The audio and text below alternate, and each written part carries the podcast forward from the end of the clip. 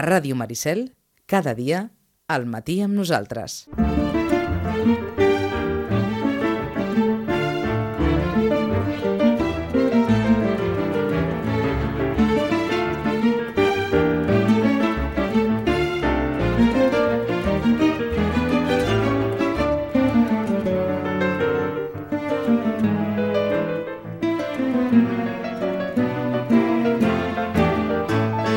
Nosaltres, però, esperàvem que el darrer llibre de Carlos Ruiz Zafón també aparegués a la llista dels més venuts.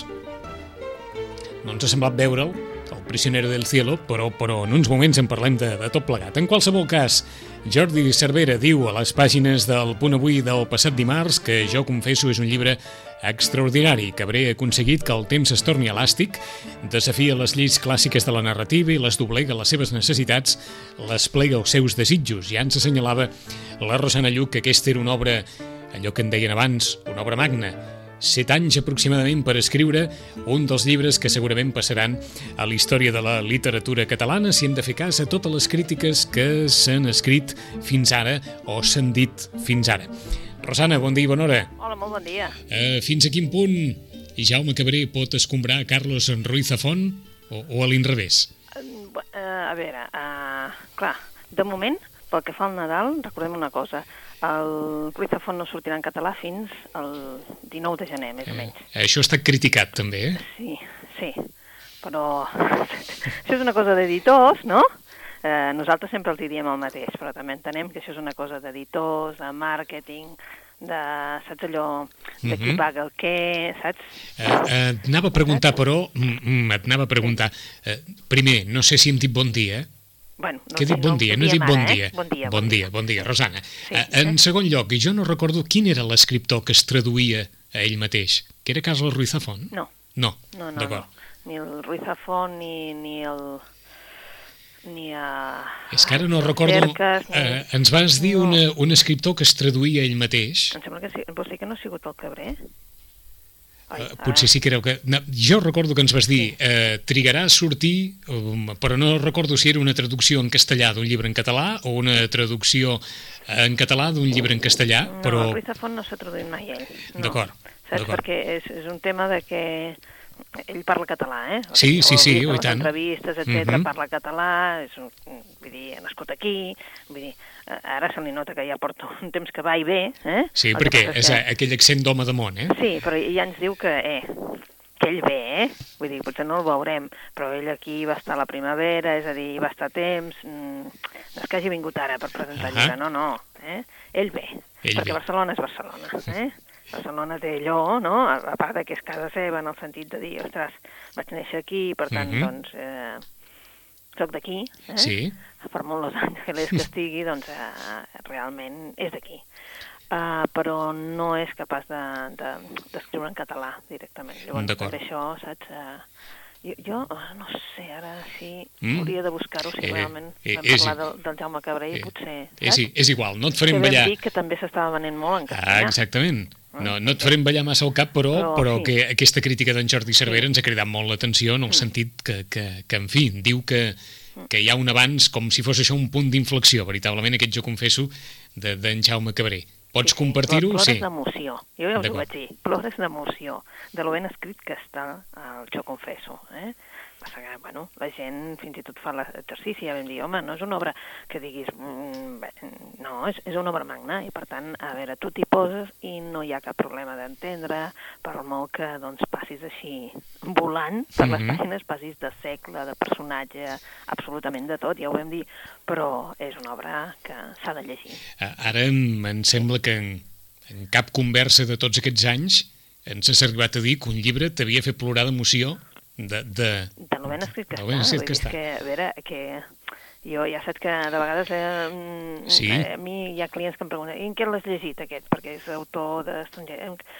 Pues moltes vegades el llegeixo en castellà perquè la traducció que m'han donat a mi és en castellà, perquè m'ha arribat més ràpid en castellà, mm, i altres vegades perquè el català en què està traduït mm, no, no, no, no, no em diu res, no? Ahà. I hi ha autors d'aquí que jo dic, home, no caldria que tinguessin aquesta voluntat de publicar tant. saps? D'estar tan present eh, com a novetat, o Mhm. uh -huh. una altra novetat, i potser que es passessin tant com s'ha passat ell, eh? perquè no ho ha fet en dos dies, això. No, no, està clar. Vull dir, clar, una obra tan, fet, tan ben feta, etc també requereix molt de temps, i això és cert. Ell ho, ha- ho ha fet, i la veritat és que mi m'ha encantat. Jo us ho vaig dir el primer dia, vaig dir, Mhm. no us la perdeu. I no, no vull dir, els que, mm, que ens facin cas i que no se la perdin, tal com has dit tu. Doncs... Eh? eh, És una gran obra, eh?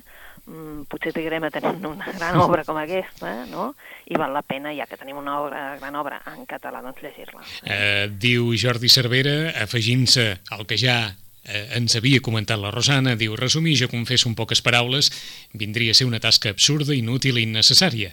La novel·la és de les que es llegeixen amb fervor, amb voracitat, amb passió, llegint cada frase i explorant cada concepte amb la certesa total que allò forma part de la gran urbs que és tota la seva obra i alhora d'un impressionant gratacel individual que s'obre ple de portes, finestres i camins diferents i carregats de profunditat i de significat. Cabré concep la seva literatura com un tot, i en aquesta novel·la ha aconseguit que el seu Storioni, l'instrument prodigiós i únic que manté el fil de la narració, emeti les millors notes, les més sublims, i acaba, com els dèiem, reblant l'article al periodista a les pàgines del Avui dient que està destinat a ser una joia aquest llibre, qui sap si pot ser la novel·la del segle.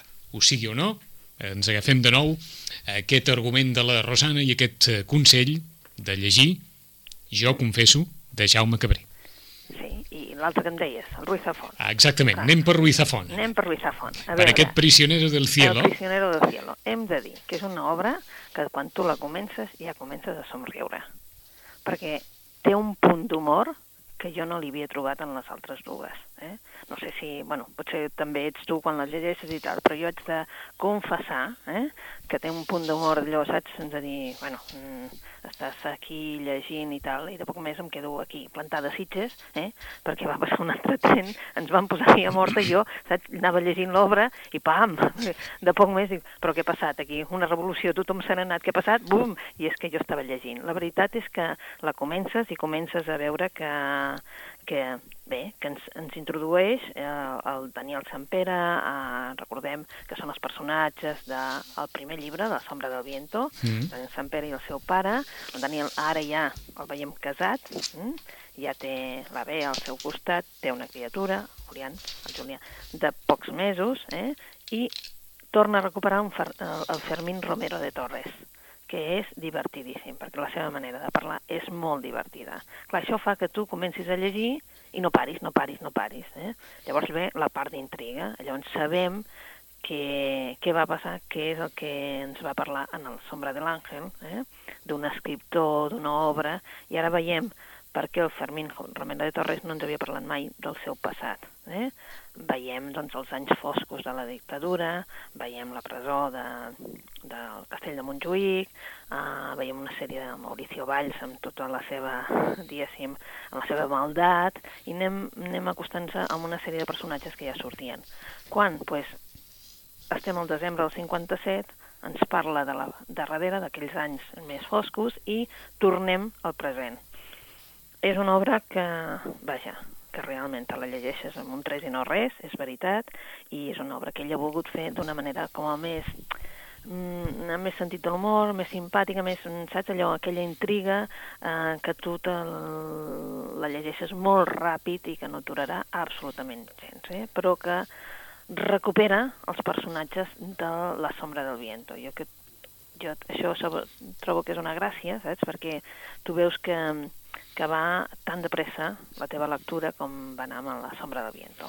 Um, fins a quin punt, com algú ha apuntat, els que en el seu dia a la Sombra de Viento li costaven de, de, de trobar, lligar determinades històries, ara el veuran com, com totes aquelles històries casen de cop. Si llegeixen... S'estan casant, saps? S'estan casant. Clar, estan casant, perquè en definitiva veiem què passa amb això del cementeri de los libros olvidados, Mhm. que aquí se'n torna a parlar del cementeri dels libros olvidados, veiem qui està buscant què, és a dir, llavors la passió d'un home que vol això i passa per davant de tothom, de torturar qui sigui perquè vol això, no? I, i, eh, i veiem també doncs, eh, això, eh, sentiments de fidelitat cap a les persones, sentiments d'amistat, és una manera de lligar tot allò que hi havia en la, en la primera obra ja. D'acord. Per tant, aquí sí que és obligat començar per la primera i seguir per la segona. Jo t'haig de dir que, jo, és que, és que fa tants anys que no, que va sortir la sombra del viento que jo pensava, ai, mare de Déu, vull dir que recordes així mínimament, no? Sí. I la veritat és que la segueixes ràpidament, eh? Sí? sense, fins i tot jo diria, clar, queden algunes coses sueltes si no has llegit la sombra del viento, però la veritat és que el llegeix molt, molt, molt fàcilment. O sigui que es pot llegir d'una forma independent? Bé, home, va, va més No, bé que t'hagis sí, llegit sí, la sí. sombra del viento, perquè si no, clar, lo del Mhm. cementerio dels libros olvidados sembla que no sigui, saps? Eh, et penses, bueno, i aquest senyor per què té aquesta fixació, no? Doncs, pues, bueno, és que això ve d'allà, no? I jo, bé, és una manera de repassar. Hi ha l'avantatge, que és veritat, que l'editorial el que ha fet ara és posar en butxaca la, les dues anteriors, el qual, no? Vull dir, si no l'has llegida i no te la poden prestar, doncs és allò que dius, bueno, pues en butxaca i llavors refresco o, Uh -huh. i després passa de la prisionera del cielo. Eh? Clar, és la Barcelona, la Barcelona, clar, mm, del carrer Santana, de, saps allò, del Raval, de... una Barcelona que ens és propera a tots, en definitiva, no? És clar, ens està parlant també d'una època que sí, clar, els més joves, evidentment, l'any 57, res, però sí que és veritat que, que parla d'una Barcelona que ja ve més cap aquí, per tant, és més propera. Entesos. Prisionero del cielo, que esperàvem nosaltres trobar-lo la llista dels llibres més venuts, però com a mínim no apareix. Mm, perquè va sortir el dijous. Entesos. O sigui que no hi ha hagut temps material de, No de poder-lo incorporar. No, no, però eh? Eh, mm, de reconèixer, i això no sé qui fa, vull dir, no sé qui dona les llistes, a, vale? perquè no sé quin dia tallen, saps? Sí, De, de quan donen les, les... Ara, divendres, dissabte, eh, dijous, divendres i dissabte, sí que es va notar que havia sortit el prisionero del cielo, eh? És a dir, que si em preguntes Mhm. que les llistes dels més venuts de la setmana passada, evidentment el prisionero del cielo surt el primer, per d'acord. número d'exemplars venuts, eh? D'acord. Sí, és un... És a dir, en, eh, en castellà probablement el més venut, El prisionero del cielo, i en català ho jo confesso. Sí, sí, sí, continua sent el jo confesso, eh? Entesos. Perquè, és clar és allò que la gent s'ho va rumiant, clar, és un llibre molt doble, mm, clar, dius, home, uh, uf, uf, però no, la gent s'ho va rumiant, però la veritat és que no hi ha, no hi ha dubte, eh? Mhm. El que l'agafen ja saben que se'l quedaran, eh? No hi ha dubte. No, estàvem mirant alguna de les novetats que puguin aparèixer a la llista. No sabem si en alguna ocasió havíem parlat de Dues vides, de Joan Piqué. No, no n'havíem parlat, mm, se n'ha parlat molt a la premsa perquè és el, és el pare de, del jugador. Ah, és el pare de, és el pare de Gerard Piqué. Sí, és el pare del Gerard Piqué, i clar, se n'ha parlat molt a premsa de- Mhm. d'aquest llibre. Jo reconec que no, no, no l'he llegit, està en... ca- Veus? Però, És- eh, és- eh, eh, és que en castellà. escrivia ja? No, No. no, que jo recordi. D'acord, no, no, ho, no hi dic, ha ho, res, ho dic per allò que ara, que ara el pare no sigui conegut per ser el pare de... abans d'escriure, de, d'escriure, no? Però en qualsevol cas, el llibre és del pare de Gerard Piqué. Sí, el llibre, Eh? el, el llibre, evidentment, clar, la franja que porta, ja t'ho pots imaginar que és... eh, Ho diu així? Sí, hi, Ah. hi havia una franja del, de l'editor que ho deia, no sé Sí. si ara... Uh, bueno, hauria d'anar fins allà a veure si realment Mhm. el llibre la porta o no la porta. Escolta'm, això seria, seria de poc que posés el pare de Gerard Piqué i el gendre, millor dit, el sogre de Shakira. Ah, exacte. Bueno, la presentació re- realment va ser... Va ser una cosa així. Ah, exacte, multitudinària, perquè evidentment van, es van presentar tots dos, no? Mare de I, Déu. bueno, Eh, llavors ja no sabies a què anaven, no? Ah, evidentment, bueno, ser el pare del Gerard Piqué, doncs, evidentment, ha, ha, tingut un pes específic dintre la... només faltaria, no? D'acord, d'acord, d'acord. Del, del seu fill. Però, clar, aquest de dues vides, mm, no sabem Mhm. si, si l'efecte ha sigut aquest, eh? No ho sabem Entesos, encara, eh? entesos. Encara ara veurem si realment el llibre Ahà. doncs, va Té, re, té recorregut. Exacte. Eh, hi havíem parlat de Bon cop de fals, de Ramon Gasc. No, No. aquest ha sortit així, eh, de, eh, és, el, és el premi i per tant ha sortit com a novel·la històrica, que Sí. potser ara de cara al Nadal funciona. Aquest jo, la veritat és que no, no me l'he mirat Mhm. encara, eh? t'ho hauria de dir si, si, si sé de què va, però clar, eh, bueno, un cap de fals ja, ja veus de què va, no? Mhm. Un jove, diu, un jove hereu crea una milícia en plena guerra dels segadors. Sí, bueno. Eh, ho apuntem no? perquè- Un cop de fals, R segadors, etc. novel·la històrica, i la veritat és que en, en principi és una d'aquelles novel·les que està començant ara a, A, a moure's una mica, eh? Sí. Eh, havíem parlat en algun moment de Niebla Roja? Niebla Roja, aquesta sí que ha sigut... Eh, no, no, no n'havíem No. parlat perquè és novetat, novetat també. És la darrera novel·la de la Patricia Cornwell i ella ja és famosa per, un, per, una, per una forense, eh, la Kai Escarpeta.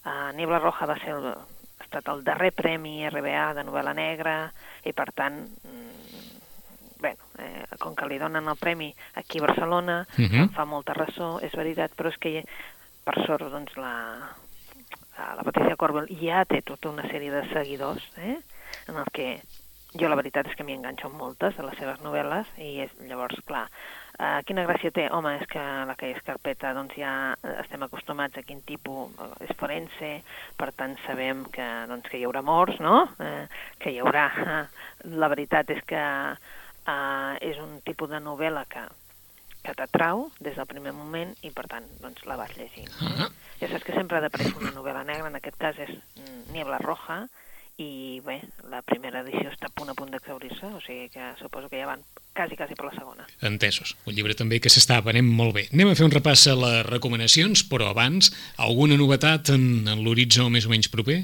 Bueno, doncs eh, ahir va sortir, el, crec que va ser ahir, el nou llibre de l'Eduard Ponset, o sigui que mm. trobaràs a les llistes dels més venuts dintre molt poc. Eh?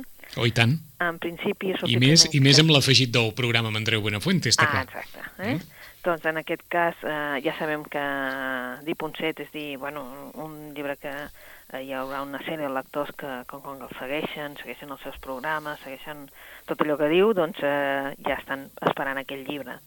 És un altre viatge, eh, perquè ja saps que el, eh, ha sigut el, el viatge a l'amor, bueno, en definitiva, aquell últim llibre era El viatge a les emocions, que comprenia eh, els tres llibres. Ara en surt un altre de viatge, eh? és El viatge a l'optimisme, en català surt també ara, mm? i es diu Les claves del futuro. Clar, potser ara ell diu allò del pasado fue siempre mejor, olvidem-ho, mm -hmm. el pasado fue siempre peor y no hay duda de que el futuro será mejor. Per tant, sí que ara potser és el que necessitem, no? és un, una frase que ara necessitem tots, eh? De dir, eh, bé, el Eduard Penset el que fa amb aquesta frase doncs, bueno, és convidar-nos no? a dir, bueno, el, els avanços científics eh, doncs, clar, ens fan encarar eh, amb entusiasme el futur, no? El Ponset el que desmenteix és que la crisi eh, sigui planetària i diu que bueno, el que s'ha de redistribuir és el treball, mentre, clar, l'esperança de vida augmenta dos anys i mig cada 10 anys, i és clar, recorda que, que ara ja necessitem les redes socials absolutament per tot, um, i que necessitem que els joves doncs, també liderin la, a, absolutament tot, no? Um, hem de començar a desaprendre tot el que havíem après, és a dir, maneres de fer, maneres d'assumir les coses, eh, tot. I hem de començar a gestionar totes aquestes emocions nostres i posar-nos això com a prioritat. És a dir, gestionar les emocions.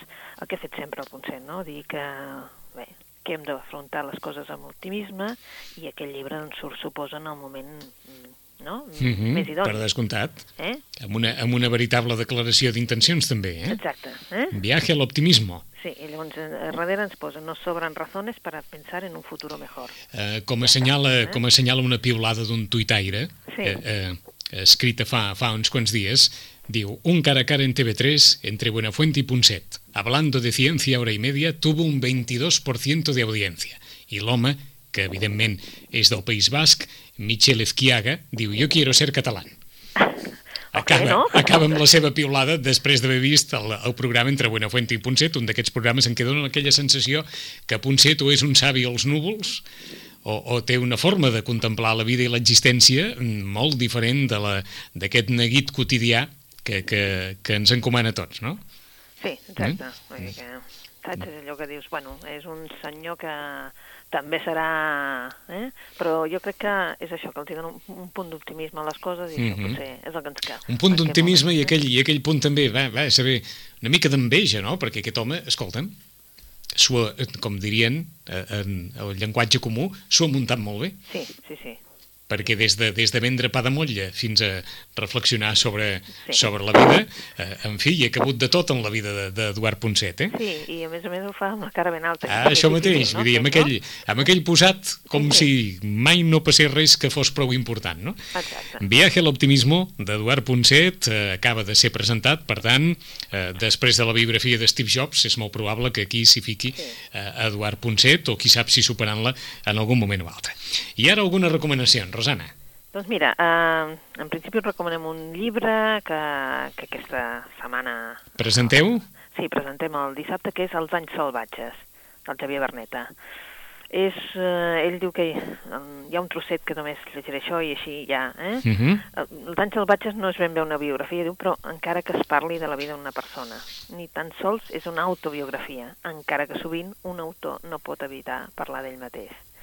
Uh, els anys salvatges, diu el mateix autor, és una ficció apassionada sobre el recorregut d'una persona. L'Edmond Monet, a través de la Barcelona, també apassionada dels anys 70. Mm?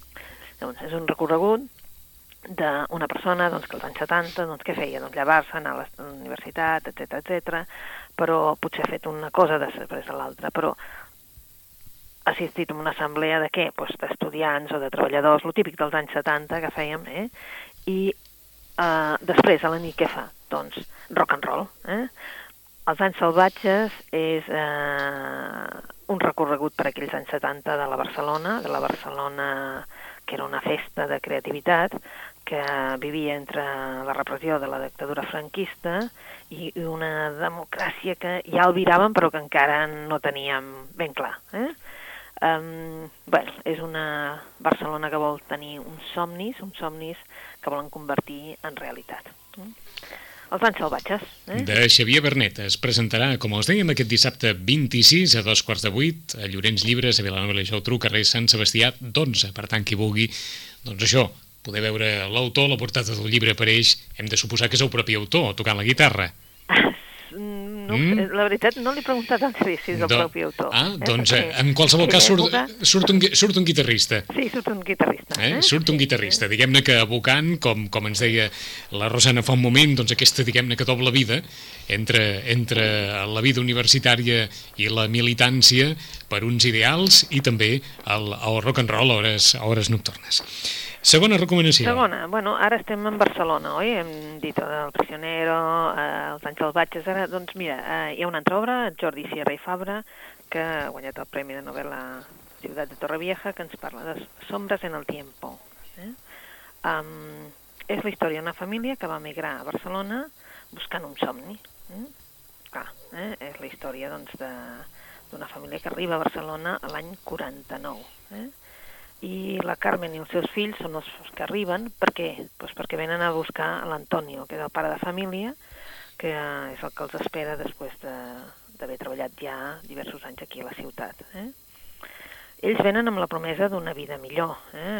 una mica doncs, fugint de, bé, de la gana que patien a, a Múrcia. No?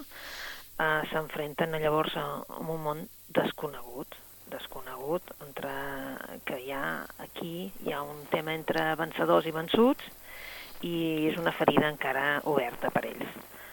Eh, hi ha també el desig de la Úrsula, de triomfar als escenaris com a cantant, la Fuent Santa, que vol incorporar-se al món laboral i ho té de moment difícil, eh, el Ginés, el, la lluita del Salvador contra la intolerància, i la veritat és que la Carmen i l'Antonio, els pares, diguéssim, de la Nissaga, eh, comencen a veure que hi ha secrets en el seu matrimoni que estan marcant també el seu destí. Eh, el destí eh, dintre d'un país que en aquest moment, que és Catalunya, que, que camina amb esforç cap a un futur, un futur que com a mínim ells volen tenir, però que els hi és difícil de moment. Eh? Eh, entremig, pues, entremig doncs, hi ha la Barcelona d'aquells anys. Quina Barcelona teníem? Pues, la, la de les cartilles de les, les cartilles que havies d'anar, no? que tot estava relacionat, eh, hi havia una repressió ideològica, eh, l'amenaça constant de, de la presó i també doncs, aquells maquis que teníem com a taló de fons. No? És una història ambientada a Barcelona, que, clar, els seus personatges podrien ser qualsevol personatges que nosaltres coneguéssim que haguessin vingut com a migrants a Barcelona. Mm -hmm. eh? Entren en una època doncs, una mica doncs, tèrbola, un temps que la subsistència el dia a dia era l'únic recurs eh? eh, davant d'una adversitat que, que havies d'anar enfrontant dia a dia i el futur era una cosa doncs, bastant llunyana. Eh? És una d'aquelles novel·les en què el Jordi Serra i Fabra ens torna a presentar a Barcelona, com ja tenia com ja ens va presentar en els set dies de juliol, Mhm. -hmm. dos dies de novembre, etc. Doncs, i torna a fer uns personatges doncs, que ens són propers, perquè és una història doncs, com a coneguda. I tenim un minut per una recomanació més, Rosana. D'aquelles ràpides minut, que et vingui, que et vingui eh, així... Bé, doncs el que li agradin els contes ha sortit tant en castellà com en català, la darrera obra del Julian Barnes, i aquesta vegada són contes, avisem. Eh, pulsacions en català del Julian Barnes, Pulso, eh, publicat per Anagrama, eh, tenim diversos contes, un per exemple eh, està molt bé, que és el de l'immobiliari divorciat, que inicia una relació amb una camarera estrangera i que acaba descobrint doncs, un secret eh, que més valia no haver-lo descobert. No? Mhm. Són, són aquells contes que indaguen pues, allò amb humor, però sobretot amb humor anglès, eh? i per explicar-se aquelles passions, civilitats humanes, a través d'uns personatges, uns personatges doncs, que se- se'ns fan molt reals perquè la veritat és que el Julian Barnes doncs, té aquest punt irònic, àcid, però que a la vegada és molt divertit. Doncs finalitzem amb aquesta recomanació de Julian Barnes, Pulso, Pulsacions, recull de contes, per allò per qualsevol moment del dia de Jordi Sierra i Fabra, Sombras en el tiempo, aquesta història eh, situada a la Barcelona de la postguerra l'any 1949, emigrants que venen a buscar el pare de família, Viaje a l'optimismo, acabat de presentar d'Eduard Ponset, Niebla Roja, de Patricia Cornwell, de nou amb Kai Escàrpeta de protagonista, de Carlos Ruiz Zafón, Prisionero del cielo, us agradarà, s'ho llegiran d'una revolada i amb un sentit de l'humor, diu la Rosana, que no apareixia tant a la sombra del viento. I per tant es tanquen també algunes històries de la sombra del viento però el llibre passa d'una forma amb més sentit de l'humor. I per damunt de tots assenyalar doncs el que, el que dèiem al començar el Jo confesso de Jaume Cabré una recomanació que serà segurament una constant també en el temps dels llibres en els propers mesos. Rosana, fins d'aquí 15 dies Molt bé, doncs aquí estarem amb vosaltres. Lectura. gràcies, adeu-siau